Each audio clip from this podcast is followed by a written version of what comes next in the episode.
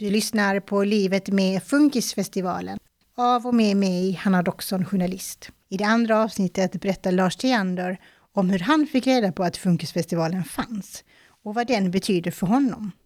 De är för detta handledare som inte jag har nu längre. Det var när hon eh, sa till mig liksom, att, att jag skulle intervjua vinnaren. Två tjejer då, som vann, Silla och Anna, vann då för två, tre år sedan tror jag det var. Och eh, då eh, sa hon så, Lars vill du intervjua det här? Och så kollade jag på det och jag blev så, men varför har inte Malmö det här liksom? De hade alltså vunnit då, ska vi vara tydliga här? I Stockholm. För det blir ju så att man går ju vidare från då, som det blev nu, den som går vidare från Malmö då, från den, sin deltävling här i Malmö, går vidare från då till, upp till Stockholm till en semifinal. Och sen blir final senare i juni, sommaren där liksom.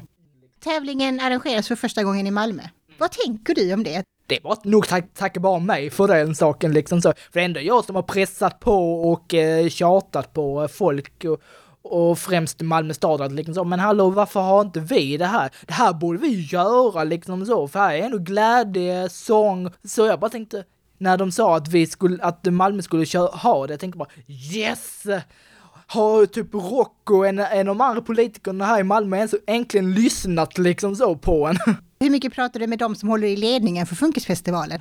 Jag har ändå varit med i projektgruppen där som hejade, vi, vi som började. Då var jag med lite på mötena och styrde upp och planerade in liksom. Jag fick välja vad vi skulle ha audition och sånt liksom, för jag brukar vara själv, vara på Arena 305 jätte, jättemycket. de har någonting på onsdagar som heter Open Stage, eller öppen scen som heter på svenska ju, där man får eh, liksom så komma dit, helt gratis mellan då 6 till 8 är det nu på onsdagskvällarna. Ja, alla är välkomna liksom så. Och så får man komma dit och sjunga och uppträda som sin favoritartist. Vad är det med scenen som lockar då Lars? Nej men att jag är en, känner mig som en showbusinessman, att jag gillar att eh, ta publiken med storm, jag gillar att man ska maxa numret och jag ska säga det, nu till eh, Funkisfestivalen här i Malmö har jag och mina dansare, eh, Anneli och eh, Dominika som kommer från Malmö dansskola här i Malmö. Vi har verkligen då maxat det än så länge till tusen, tusen nu här. Men vad tänker du om att det finns ett regelverk då som säger att du bara får två dansare Lars? Då får man ju eh, anpassa efter det då, tänker jag då liksom. Och det känner jag att det har jag och mina tjejer gjort efter det vi har gjort liksom. Nu har vi pratat mycket om hur numret kommer att se ut. Men vad är det du kommer sjunga då? Det är så mycket som en Eurovision-låt från Grekland från året 2009. Och det är så mycket som en låt som heter This is our night med Sakis Rovas. Catchig och den var sättet som är klister liksom så när man och det är så, man vill inte kunna, man kan inte sitta still när man hör låten. Men hur svår är den att sjunga? Det är väl, säger väl mer, hur svår är den att dansa och sjunga samtidigt? Och det kan jag väl säga, det är väl Alltså då man måste vara bra kondis som jag håller på att träna upp. Men jag tror ändå det är en, det är en medelmåttig. Det är väldigt olika om man ställer upp med en låt som redan finns, ett nummer som har framförts, eller om man ställer upp med en egen låt. Mm. Var det självklart för dig att du skulle ta en låt, eller fanns det planer på att du skulle skriva ditt eget material? Det var eh, tanken att jag och mina kompisar som jag har ett band med, som heter The Broken Stars, vi håller på att skriva en egen låt, men tyvärr så har inte den ena av dem två någon funktionsvariation liksom. Jag tänkte ändå så att det var ändå roligt att, att, att, man var, om man hade kunnat vara med med den låten ändå. Mm. För att man kunnat visa något annat som man hade skapat tillsammans i bandet ändå. Och jag ska ändå säga det att många som ändå är med i den här årets Funkisfestivalen här i Malmö har ändå ett par, ett par stycken av dem har ändå skrivit några egna skrivna låtar ändå ju. Jimmy Va eh, Valenius, Johanna Lindahl, kan du berätta om dagen som du gjorde audition? Alltså det var ju väldigt nervöst och spänt och sånt där. Men jag fick ju väldigt mycket pepp från dem på arenan och sa men Lars det här är ju hemmaplan för dig liksom så. Och jag fick pepp från dem på, från jobbet och Jasmin då som min kompis heter som är, heter, som är med i bandet då i Broken Stars. Hon skickade och skrev att det här fixar du galant Lars. Stämningen inför tänker jag också, er tävlande emellan, hur var den då? Jag träffade inte alla, men jag såg några av dem i alla fall. Vissa av dem är hot för mig. Då är det Martina Carillo, Jimmy Wallenius och Johanna Lindahl. Och kanske Christian, eh, Christian Rosando också, kanske. Har ni koll på lite vad de andra har tävlat med som har varit med i Funkisfestivalen i tidigare år? Alltså jag har ju försökt läsa lite på innätet, eh, liksom så, när de haft andra, de andra haft deltävlingar detta året. Och då har jag fått känna av lite vad det är för låtar och tänkte okej okay, hur kan man, hur kan den stå sig från min låt och mitt nummer kanske och sånt där. Men jag vill heller inte ta det för mycket till, till originalet heller. Jag vill ändå göra det till min egen grej också. Två kvällar i november var du audition på Arena 305 här i Malmö. Vad hände sen? Sen fick man eh, reda på om man hade gått vidare typ två, tre dagar efter det. Hur var den väntan undrar jag? Alltså det var ju, alltså jag var nära på, det var så spyfärdig liksom, alltså jag var helt tänkte man snälla ring om, säg om du har gått vidare eller inte liksom, för det var katastrof hon Ulrika Hybrant som hon heter, hon som har hand om det nu i Funkisfestivalen här i Malmö. Hon ringde då på tisdagen. Då var jag och Christian då som gick vidare på jobbet. Så ringde hon och så frågade hon hur jag mådde och så. Och så frågade hon, är Christian också där? Jag bara, ja. Okej, okay, och så sa hon så, okej okay, jag ska inte dra ut på det med, men jag ska bara berätta att, att både du och Christian har gått vidare. Och den lättnaden alltså, fy fan! Det var så, ah, det var som att släppa en bomb alltså. Men det känns bara en ära och jag har sagt till mina föräldrar nu där hemma att det är för Ghost om det går. Jag är bara glad att jag har tagit mig så här långt liksom som jag har tagit mig nu. Men såklart så vill jag vinna det här också ju. Och åka upp till Stockholm och vara Malmö och Malmös representant liksom så. Det är ändå någonting ändå att eh, den kommer hit här till Malmö och eh, att eh, vi Malmöbor och vi som har någon funktionsvariation, funktionsnedsättning, att vi får ändå eh, skina och, och få vara oss själva för en stund och ändå att inte folk som ska kunna klanka ner en och tro att hur man ska se ut eller hur man ska vara och sådana folk som inte kanske inte har eh, samma förståelse och för folk som har funktionsvariation liksom. En andra person som jobbar kanske med det. Du beskriver en ett ganska hårt klimat där. Upplever du mycket den?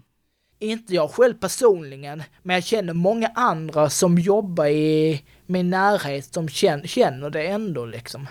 Vad är det som gör att du tror att du har klarat dig så pass bra? Jag ska nog tacka mycket att jag hittat rätt omgänge och eh, hittat bra vänner ändå. Musiken, och hittat många bra vänner på Arena 305 som har tagit mig för den jag är. Och de har ju ingen funktionsvariation och sånt ju. Men de tar mig ändå för den jag är liksom. Min kanal når ju också många personer som inte som äter så mycket funkisar. Vad har du att tipsa dem om? Hur ska man bemöta en funkis om man möter den i vardagen? Alltså jag tror det är att man får ta personen som den är liksom så. Men ändå känna av lite hur personen är liksom så.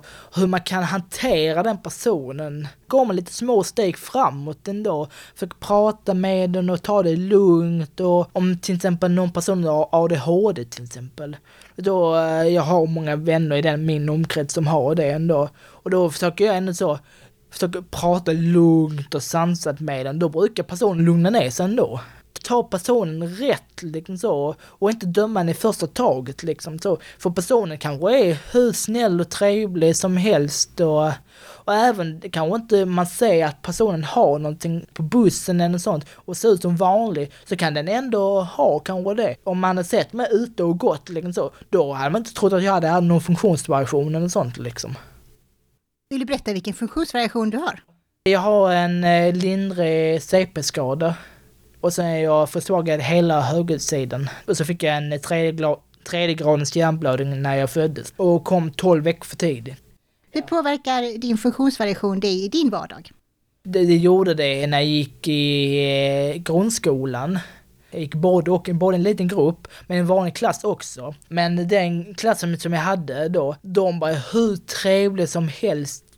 Men jag kände att de tog mig för en helt annan person än vad de gjorde med de andra i klassen de pratade på, på mig precis som att de var snällare mot mig och så, än de var mot de andra i klassen liksom så. Och jag sa det till min lärare som jag hade i min lilla grupp liksom så. Jag sa det att, men hon hette Lena då. Och jag sa till henne, men Lena, jag känner det att det är jätteschysst att, att de är snälla mot mig och så, men jag vill gärna att de ska ta mig på samma vis som de tar mot andra, behandlar de andra liksom. Att de ska inte behandla mig annorlunda ändå. Det är jättesnällt att de gör det, men det är lite konstigt på något sätt liksom när man kanske inte är van att träffa en funkis. För det har ju inte alla gjort faktiskt heller, ska vi säga. Jag tror kanske att man kanske många gånger kan vara lite rädd för att kanske vara för, alltså du vet, lite för tuff och hård. Ja, jag märker det, att folk bara tänker så, men hur ska man nu hantera den här personen och etc. etc. Så emellanåt när jag träffar en person som jag har inte träffat innan alls. Liksom. Så, så brukar jag säga att eh, nu har jag det här och det här och det här liksom. Och sen vissa personer som jag träffat nu på senaste tiden, eller annat, annars liksom så, de har sagt, de har, eh, ja, det är inget konstigt med det liksom så. De har tagit mig för den jag är liksom så. För de säger, ja men det är så vanligt idag liksom. Då har de sagt, ja men vi tar det för den du är Lars. Och det känns så skönt för då kan jag ändå vara för den jag är och inte låtsas vara någon annan än så. För det var ju mycket när jag var yngre. Att jag har försökt låtsas vara en annan jag är liksom. Det som är utmärkande också med dig, det är ju din energi Lars. Kanske den gladaste som jag har haft i studion. Var kommer energin ifrån Lars? ja, det är en bra fråga. Jag, jag tror det är mycket från hur mobbarna eh, gjorde det för mig, att de mobbade mig mycket i grundskolan och sånt liksom. Jag tror det är det jag har fått energin ifrån. Liksom så att den energin att, nej här är jag, om ni puttar mig så visst fine, men då tar jag bara nästa steg i livet framåt istället. Här är jag, punkt slut liksom. Men Lars, de svåra dagarna, de svåra stunderna gissar jag finns, för det finns ju alltid hos glada människor. Exakt. Hur kan det se ut då? Nej, jag blir irriterad och sur och så. Då tänker jag bara så att jag får ta det som klackspark eller så får jag bara ta livet som det är liksom så. Och försöka vi, rensa tankarna kanske i några timmar och sånt där liksom innan jag kan gå ut igen från mitt rum där hemma eller försöka bara rensa och tänka på vad, vad var det här nu, vad hände liksom så? Vad kan man göra bättre i det här? Och sen är det personer runt omkring mig såklart också som, som ger mig styrka, de som ger mig verkligen så glädje, glädje, glädje. Det sitter ju säkert många och lyssnar på den här och eh, kanske själva funderar lite på att vara med och tävla. Vad, vad har du att säga till dem? Till er som inte sökte år och ni som vill vara med till nästa års Funkisfestival här i Malmö. Bara våga Eh, ge inte upp. För ni som tycker om att sjunga, bara satsa liksom. Det kan inte gå fel. Om ni får ett nej från juryn, så bara sök till nästa år, liksom så. Det är aldrig för sent att vara en stjärna för en dag. Du har lyssnat på Livet med Funkisfestivalen. I nästa avsnitt så möter du André Frid som också kommer att tävla den 10 februari. Producent är jag, Hanna Doxon.